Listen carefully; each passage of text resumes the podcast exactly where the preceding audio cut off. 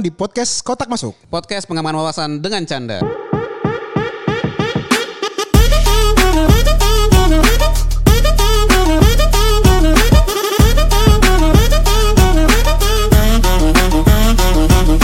Hola, hola, hola. Halo semuanya. Anjay. Episode kedua part 2 lah ya ini kayak part 2 ya. Part 2, part 2. Iya, iya. L- mungkin judulnya ntar LDR Podcast Kotak Masuk part 2. ya anjir. Biar ada clickbait dikit nih. Jangan LDR gue berasa ini kan Apa? gue punya relationship sama lu Anjir. Kita juga milih-milih lah ya kalau relationship lah ya. LDP lah LDP. LDP. Long Distance Podcast. Long distance podcast. Oke. Oke, lucu tuh LDP tuh lucu-lucu. Nick, episode kemarin kan kita ngomongin terkait makanan, terus kita juga ngomongin terkait cara bayar, kita juga ngomongin terkait budget, ya kan? Tapi kalau gua ya mungkin lo update dikit lah. Secara negara nih di sana nih itu pemerintahnya gimana sih kalau di Indonesia kan eh, mungkin dengan Kemenparekraf kan lagi banyak nih ya kan promo wisata kebudayaan, cagar alam, kuliner, terus mungkin eh, terkait UMKM. Kalau di Singapura kan sorry negaranya kan nggak terlalu besar, ngerti nggak Nick? Benar. Kira-kira apa sih yang bisa eh, mungkin terkait pemerintahnya dengan wisatanya apa sih di sana Nick? Biasanya Nick? Ya ini mungkin sedikit balik ke sejarah eh, Singapura lah ya. Hmm. Eh, kan dia merdeka tahun 1965 dan dia tuh sadar Hmm. bahwa dia tuh cuman seup, seuprit lah gitu loh Ya, dari secara area. sekian- Hmm. Ya dari in terms of area dari sekian banyak negara yang tetangga gitu kan Yes. Malaysia, Indonesia. Hmm. Nah tapi eh, pemerintah Singapura justru punya ambisi gitu loh. Hmm. Gimana caranya biar gua kecil ekonomi gua tuh bisa maju. Hmm. Nah gitu kan. Apa yang bisa gua jual nih? Gitu. Nah dia kan udah sempat berusaha menjadi sat- pertama yang paling kelihatan adalah eh, pelabuhan ya.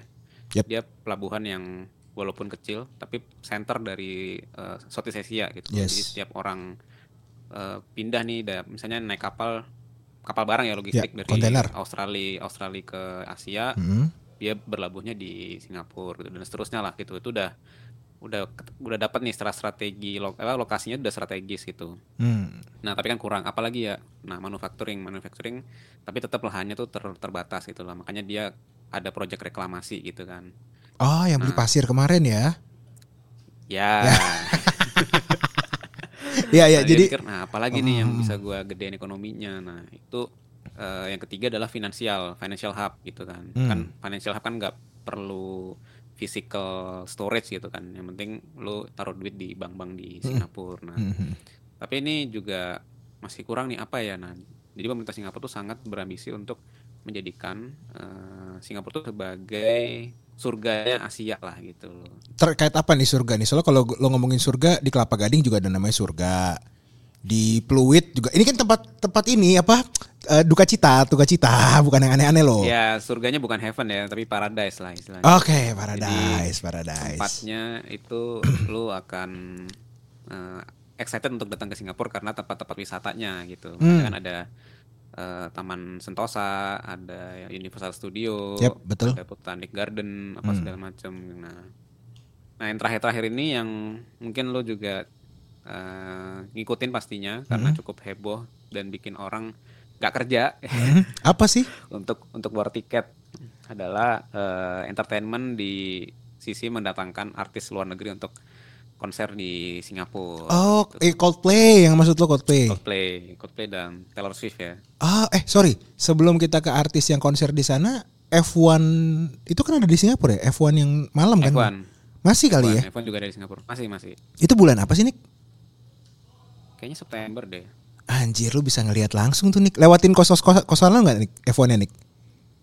Enggak sih, dia di tengah kota kan. Ini 17 17 September 2023. Asem. 17 September. Mm-mm. Pas ulang tahun gue tuh, Nick. Apa gue ke sana ya? Berapa tiketnya ya? Coba kita nanti sambil Iya iya iya. iya. It's okay. Tapi berarti F1 juga ada di sana, Universal Studio juga ada di sana. Terus tadi lu bilang botanical tuh kayak apa sih, Dik? Kayak eh, tanaman-tanaman gitu doang, kayak di Taman Bunga Nusantara atau gimana, Nik? Ya, kurang lebih sama sih kayak gitu. Oh, Oke. Kayak tapi dia bukan konsep kebun raya Bogor ya kan? Kalau konsep kebun raya Bogor kan dia udah mungkin hutan lama atau enggak ditanam gitu nih kayak. Dia ada modern-modern nggak sih kalau botanical itu? Modern sih. Jadi emang memang di setting sudah di Oke. setting. Banyak bunga yang bisa lu lihat apa segala macam. Lu juga bisa belajar banyak jenis eh, tanaman-tanaman gitu. Hmm. Kebun binatang ada nggak sih bro di sana bro? Ada juga, ada juga. Tapi gue belum belum pernah sih. Ah, oke. Ke- Nah, Nanti lo kalau udah ke sana coba deh. Eh, mungkin lo bisa kita buat episode lagi kayak Taman Safari atau kayak Ragunan ya kan? Atau nggak lebih canggih dari dua-duanya ya nggak? Oke, Siap, jadi siap. artis luar negeri banyak eh, akan ada banyak konser di Singapura lah ya. Coldplay kalau nggak salah di Singapura sehari juga ya atau gimana? Enggak, justru eh, Singa, di Singapura itu Coldplay total 6 hari. Anjay, 6 hari men. 6 hari, 6 hari. Kok bisa begitu?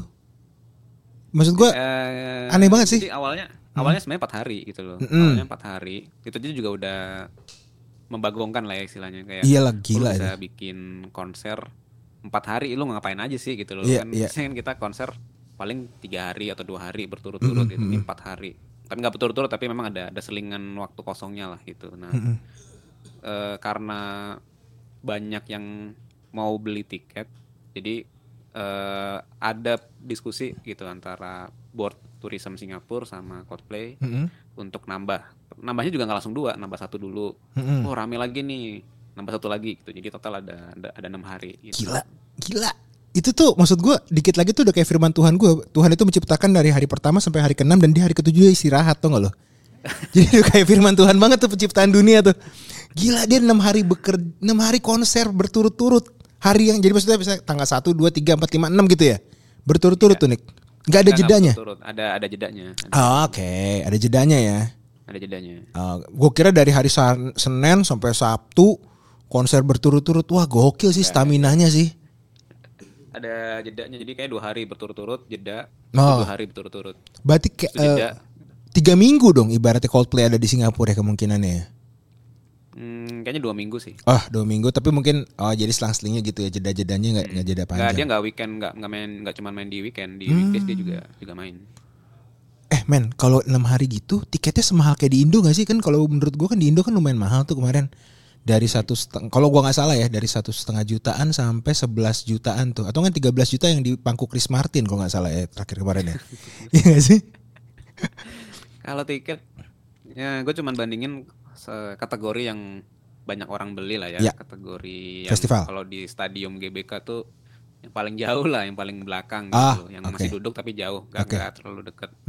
Bukannya festival juga yang berdiri. Eh, jadi kategori 6, kita bilangnya kategori 6. Kalau di Indo itu 1,2 juta. Mm-mm. Kalau di Singapura 1,6 juta. Jadi beda 400 ribu. 300 350 eh 350 ribu sih. Tiga ratus ribu. size-nya. Oke.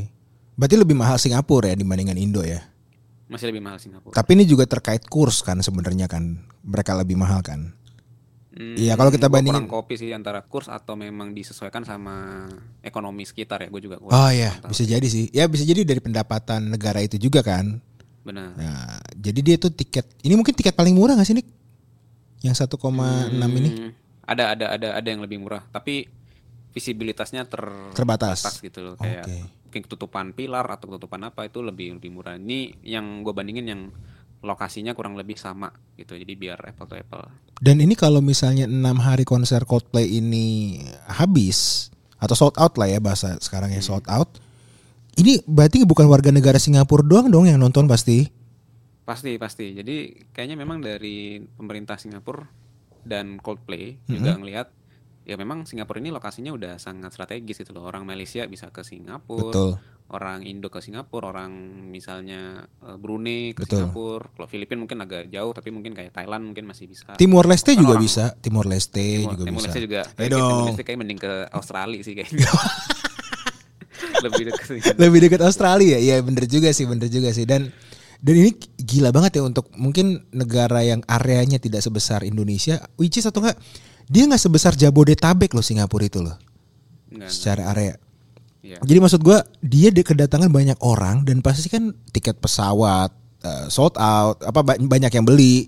Hotel juga gila banget dong di tanggal-tanggal itu. Itu sekitar tanggal berapa sih bro? Kalau boleh tahu bro yang Singapura itu?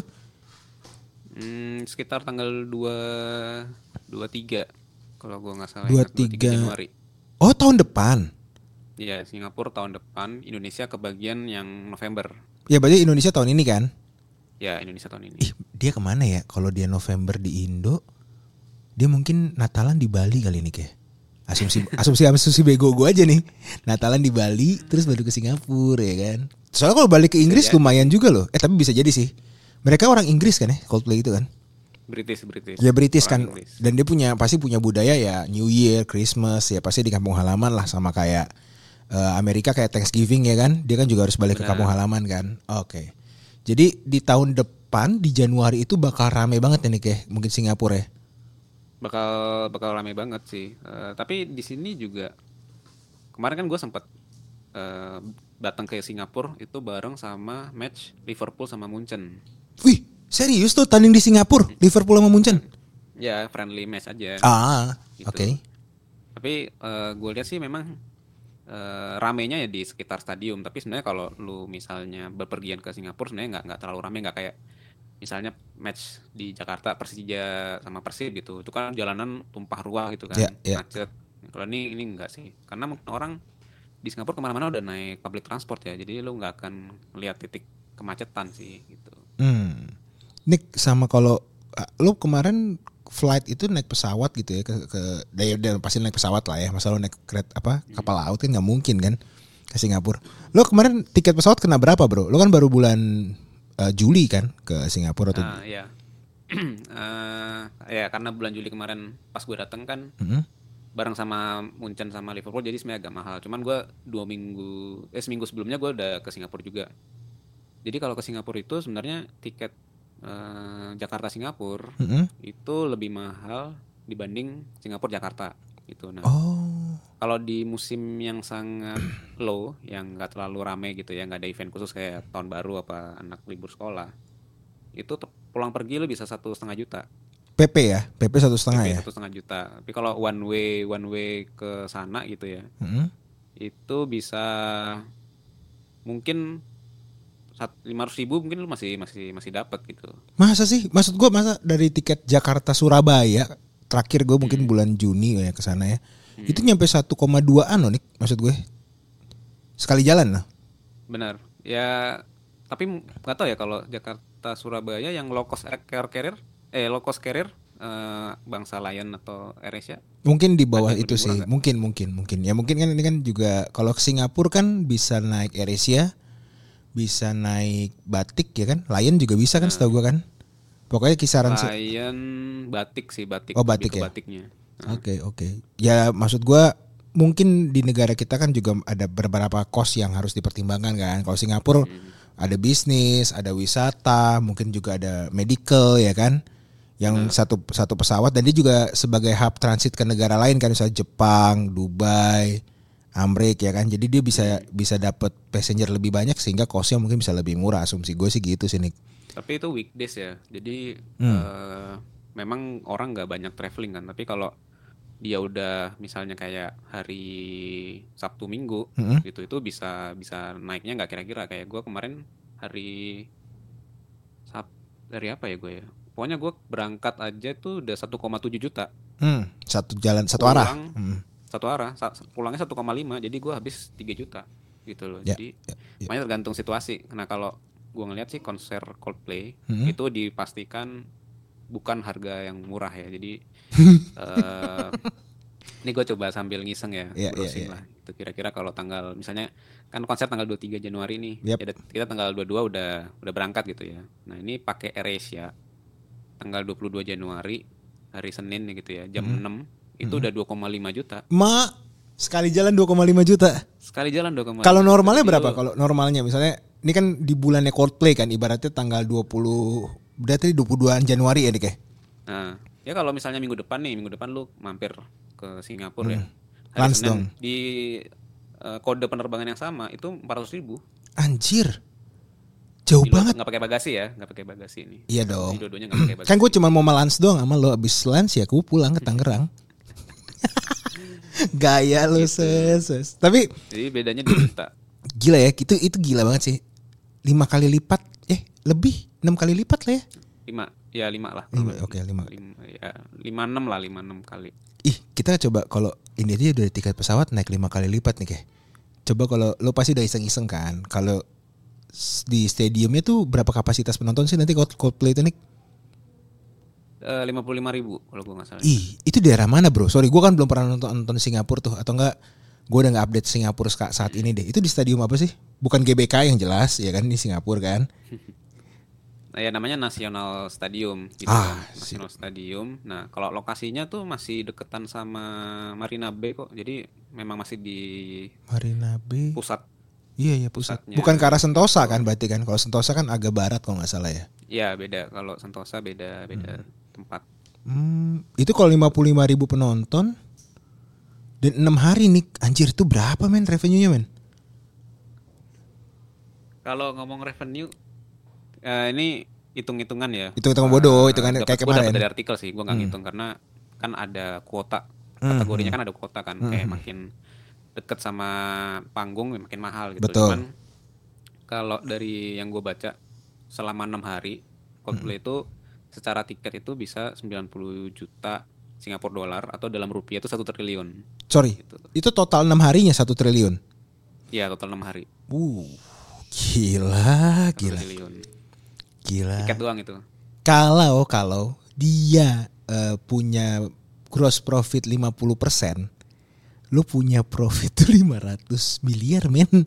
Ya kita kan nggak tahu, kita kan nggak tahu eh, bisnis modelnya konser ya. Asumsi bodoh aja, ya. Tapi kalaupun lu cuma punya 30% 300 M, men. Ya kan? tetap tetap lumayan sih. Tetap lumayan. Itu baru baru satu tempat enam hari ya. Kan dia kan kalau misalnya dia konser di misalnya di Jepang atau di mana Ya. kan hitungannya udah beda lagi. Dan ini sorry, ini baru revenue stream dari ticketing loh. Lo belum Hmm. ada lagi revenue stream dari merchandise, lo belum ada revenue stream dari booth, sponsor, ya kan? Itu kan pasti kan satu konser itu kan punya beberapa revenue stream, gak cuma satu ticketing doang dong. Bisa lebih dari itu sih, asumsi gue. Karena gue pernah nonton, gue pernah nonton YouTube nih. Kan gue YouTube Oh, banget iya, ya, si YouTube banget nih gue nih, ya kan? Gua, gua di masanya gua nggak nggak nonton. Gue juga di masanya gue juga nggak nonton karena terpaksa, bukan terpaksa, Oh, karena kita respect ya kan kita Hati-hati, respect. Iya. Kita respect, kita berangkat. Di Ya. situ aja pas gue datang ke konser yang ya mungkin segede itu juga kali 55 ribu orang gitu ya. Hmm. Itu ada ada merchandising, ada F&B juga, ada F&B Hmm. booth. Itu kan juga, mereka bayar ke penyelenggara udah pasti kan. Dan Benar, itu kan benar. revenue stream yang belum belum kita hitung aja dan gila men ini belum ini kan secara konser eh, area atau konser ekosistem ya lo belum ngomongin tentang satu ekosistemnya Singapura lagi kayak hotel hotel pasti gila banget dong ketika pas di masa konser Coldplay itu kan Pasti pasti. Eh, tergantung hotel yang ini ya, maksudnya kalau kita biasanya kan sama keluarga jalan-jalan kan pasti hotel yang proper lah ya, Ya. gitu. Tapi kalau misalnya lu sendiri single ataupun lu nggak single sih, maksudnya lu sama teman-teman lu dan lu punya opsi untuk tinggal di hostel, Ah, gitu oke. kan. Hostel yang satu ruangan ada eh, tempat tidur ditumpuk, Hmm, hmm. terus bisa banyak gitu kan. Nah itu normalnya mungkin kalau di Singapura tuh satu malamnya 400 ribu. Ini mahal sih kalau menurut gue ya. Karena bahkan hotel yang menurut gue bukan hotel bintang 4 ya, bintang dua setengah lah, dua setengah sampai tiga. Satu malamnya bisa 1,2 juta. Itu normal gitu. mantap Bukan bukan high season ya, ya itu normal. kalau di Indonesia mungkin hotel bintang 3 ya Nick bintang 5 bang menurut gue mah. Kayak Hotel Sultan itu 1,3 juta mungkin. Enggak, sorry, maksud gue kalau di Singapura kita bayar 1,2, tapi fasilitas yang kita dapat kayak bintang 3 atau bintang 2-nya Hmm. Iya, Indonesia, benar. ya kan? Satu kom ya bintang tiganya Indonesia Ya bintang 3-nya Kurang Indonesia ya. gitu. Oke, oke. fasilitasnya. Dan itu pasti kan nggak mungkin dong mereka berangkatnya mepet-mepet kan orang-orang yang pengen nonton Coldplay kan. At least semalam lah nginep di Singapura ya nggak? Malam. Gila malam. sih. Jadi ngakalin ngakalinnya kayak tidur di hostel nih kayak. Ya ini gue coba sambil ngecek ya. Kira kalau gue pesen hostel space spot ya kayak model bobo box lah ya yang kapsul gitu. Oh, anjir ini kapsul nih. Gue kira kayak Red Doors atau kayak Oyo gitu enggak ya? Ini kapsul Enggak, hotel ya? enggak, Ini kapsul. Oke, Hotel ka- kapsul. kapsul. Ya host- hostel ya antara kam- apa tempat tidur tingkat bang yang sih? Bang Bet, Bang Tingkat atau yang Bang Bet. model eh, model kapsul. Oke. Nah, itu Oke. di semalam sebelum konser itu Mm-hmm. harganya enam ratus ribu jadi mungkin masih lu kalau beli dari sekarang gitu Oh iya. kalau Iya. makin mepet udah pasti makin nggak masuk akal Gila ya. Dan ini ini lu F&B gimana nih? Maksud gua ini kan hotel nih. Nggak mungkin dong mereka bawa nasi padang dari Indonesia atau nggak pengen bawa makanan dari Malaysia, bawa cateringan gitu nggak mungkin dong. Mereka pasti jajan dong. Ini bakal impactnya gede banget dong secara jajan-jajanan di sana nanti. Mungkin ya, tapi kayaknya kalau Aji mumpung naikin harga sih gue nggak nggak gitu nggak gitu paham sih Mm-mm. Eh, apakah harganya akan naik tapi menurut gue dengan sekali makan 5 dolar lu masih masih bisa sih mestinya gitu Wow. nah cuman yang mungkin minum ya kan kalau lu konser kan mungkin lu nyanyi gitu kan pasti kan lu haus kan nah kalau lu beli air botol aqua Mm-mm. sejenis- sejenisnya gitu ya itu harganya satu botolnya tuh bisa kalau lu belinya di bukan toko kelontong ya. Bisa 2 dolar bang. Anjir. 600 mili 22 ribu. Ya masih oke lah. Kalau gue minum air mineral di Holy Wings kan lebih tinggi harganya. Iya kalau lu bandinginnya gitu kan. Iya, iya, iya. Nah, jadi untuk nyiasati biasanya lu bawa tumbler ah, literannya gede gitu ya. Setengah liter atau ya setengah liter lah jangan dua liter kegedean. Satu liter gitu. Nah di Singapura itu ada beberapa tempat untuk ngisi air publik gitu loh free. free free Oh. Jadi tapi lu tinggal ngisi di station itu tapi setahu gue kalau tumbler itu nggak boleh masuk konser deh. Jadi maksud gue kalau kalau dia nginep di hotel, jadi misalnya untuk eh, teman-teman yang mau ke sana nih, tadi Niko bilang kan kalau mau booking hotel dari sekarang, let's say lo dapat 600 ribu. Terus kalau F&B di episode kemarin kita udah ngomongin kan harganya kan. Dan untuk menyias- menyiasati minum lo yang pasti aus banget ya kan dengan cuaca yang hampir sama kayak Jakarta, ya lo bawa tumbler yang gede kan. ya Nah, Biar lo nggak terlalu ngeluarin 22 ribu lah setiap sekali minum lo. Karena kan nggak mungkin bawa galon le minerale ya kan, yang satu liter nggak mungkin, nggak mungkin. Jadi itu sebuah trik ya nih kayak. Tapi ya tadi ya kalau kalian mau bawa tumblernya ke konser harus dicek sih boleh atau enggak. Setahu gue soalnya eh, beberapa tempat yang levelnya udah international stadium tuh nggak boleh bawa tumbler sih.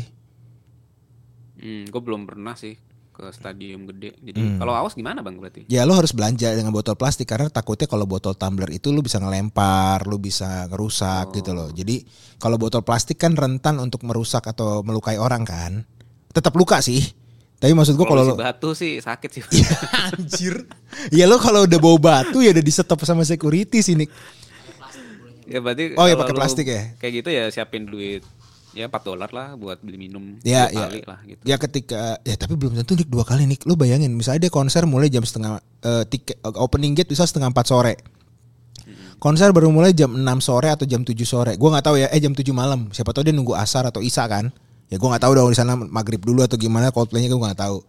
Ya biasanya kan bisa nunggu 2 sampai 3 jam dulu dari opening gate ya. Bisa bisa Ya berarti lu mesti bawa banyak ya cukup uang lah Nggak, maksud gua. ya kalau di situ ada water station ya lu isi aja botol lu sama water station Ah, bisa. Bisa, bisa. Gitu. Ya mungkin dicek juga sih untuk teman-teman yang mau ke Singapura nontonnya ya kan dan by the way Nick ada artis lain nggak selain Coldplay? Siapa tahu Dewa 19 ada di Singapura mungkin Nick?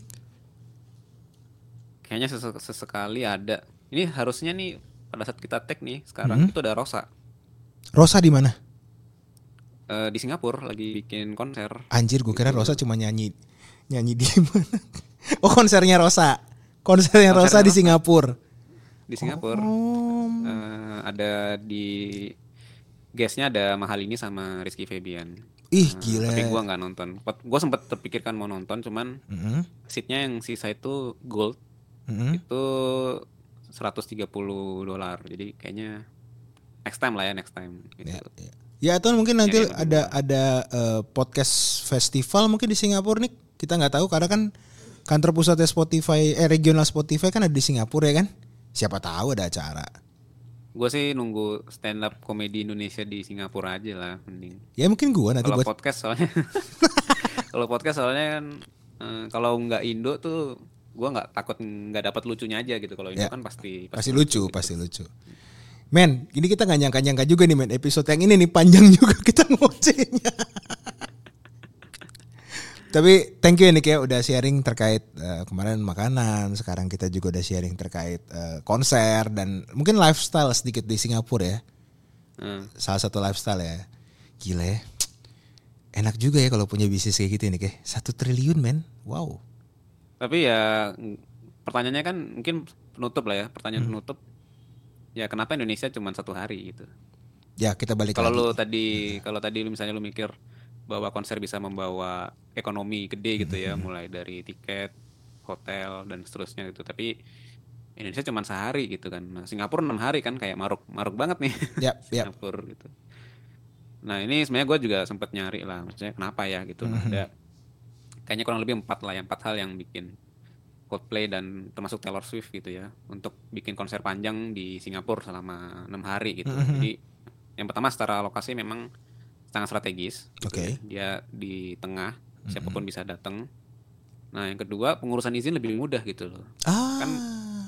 kayak misalnya nih di salah satu stadion kita di Indonesia nih kayak dari jauh-jauh hari aja udah bentrok gitu loh hari apa misalnya oh dipakai untuk uh, olahraga ini dipakai untuk ini dipakai ini. Jadi sebagai promotor kan Gak punya juga kepastian. takut Ya. nggak punya kepastian gitu kan gitu jadi pengurusan izinnya juga selain booking mungkin pengurus izinnya lebih panjang dan itu diakui sama menteri kita lah gitu kalau di Singapura mungkin lebih cepat Ketiga, Nah, terus yang ketiga adalah infrastruktur transportasinya tuh eh, lebih bagus gitu. Oke. Jadi lu nggak harus kayak booking hotel di sekitar stadion gitu loh. Lu Hmm. bisa booking hotelnya juga yang paling jauh pun satu jam nyampe gitu loh. Dan itu sudah kepastian waktunya udah hampir eh, 90% akurat gitu Iya. loh. Jadi nggak nggak nggak ter nggak ada potensi macet apa segala macam di yang di luar-luar ya yang yang di area terluar lah gitu sama yang terakhir adalah keamanan sih jadi ya tadi itu kan di episode sebelumnya kan gue bilang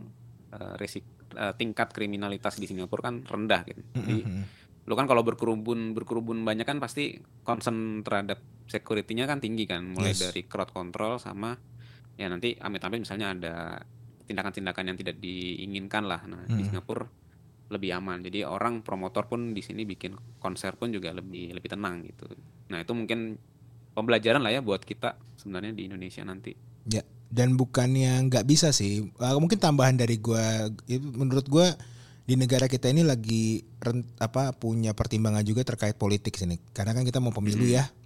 Jadi itu mungkin jadi salah satu efek juga nih. Uh, Bukannya jelek ya, tapi maksud gua kan ada ada transisi ya di mana kalau lo punya bisnis ya lo juga nggak mau terlalu gambling terlalu besar kan di saat tahun politik atau pergantian kekuasaan.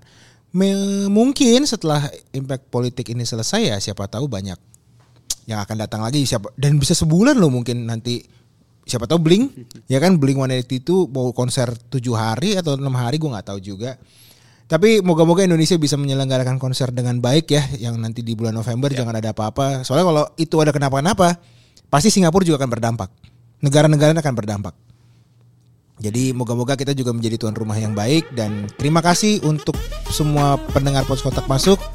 Kita tunggu komen dan sarannya untuk episode-episode berikutnya. Thank you Nico. Thank you semuanya. See you. Ciao. Bye bye. selanjutnya Down.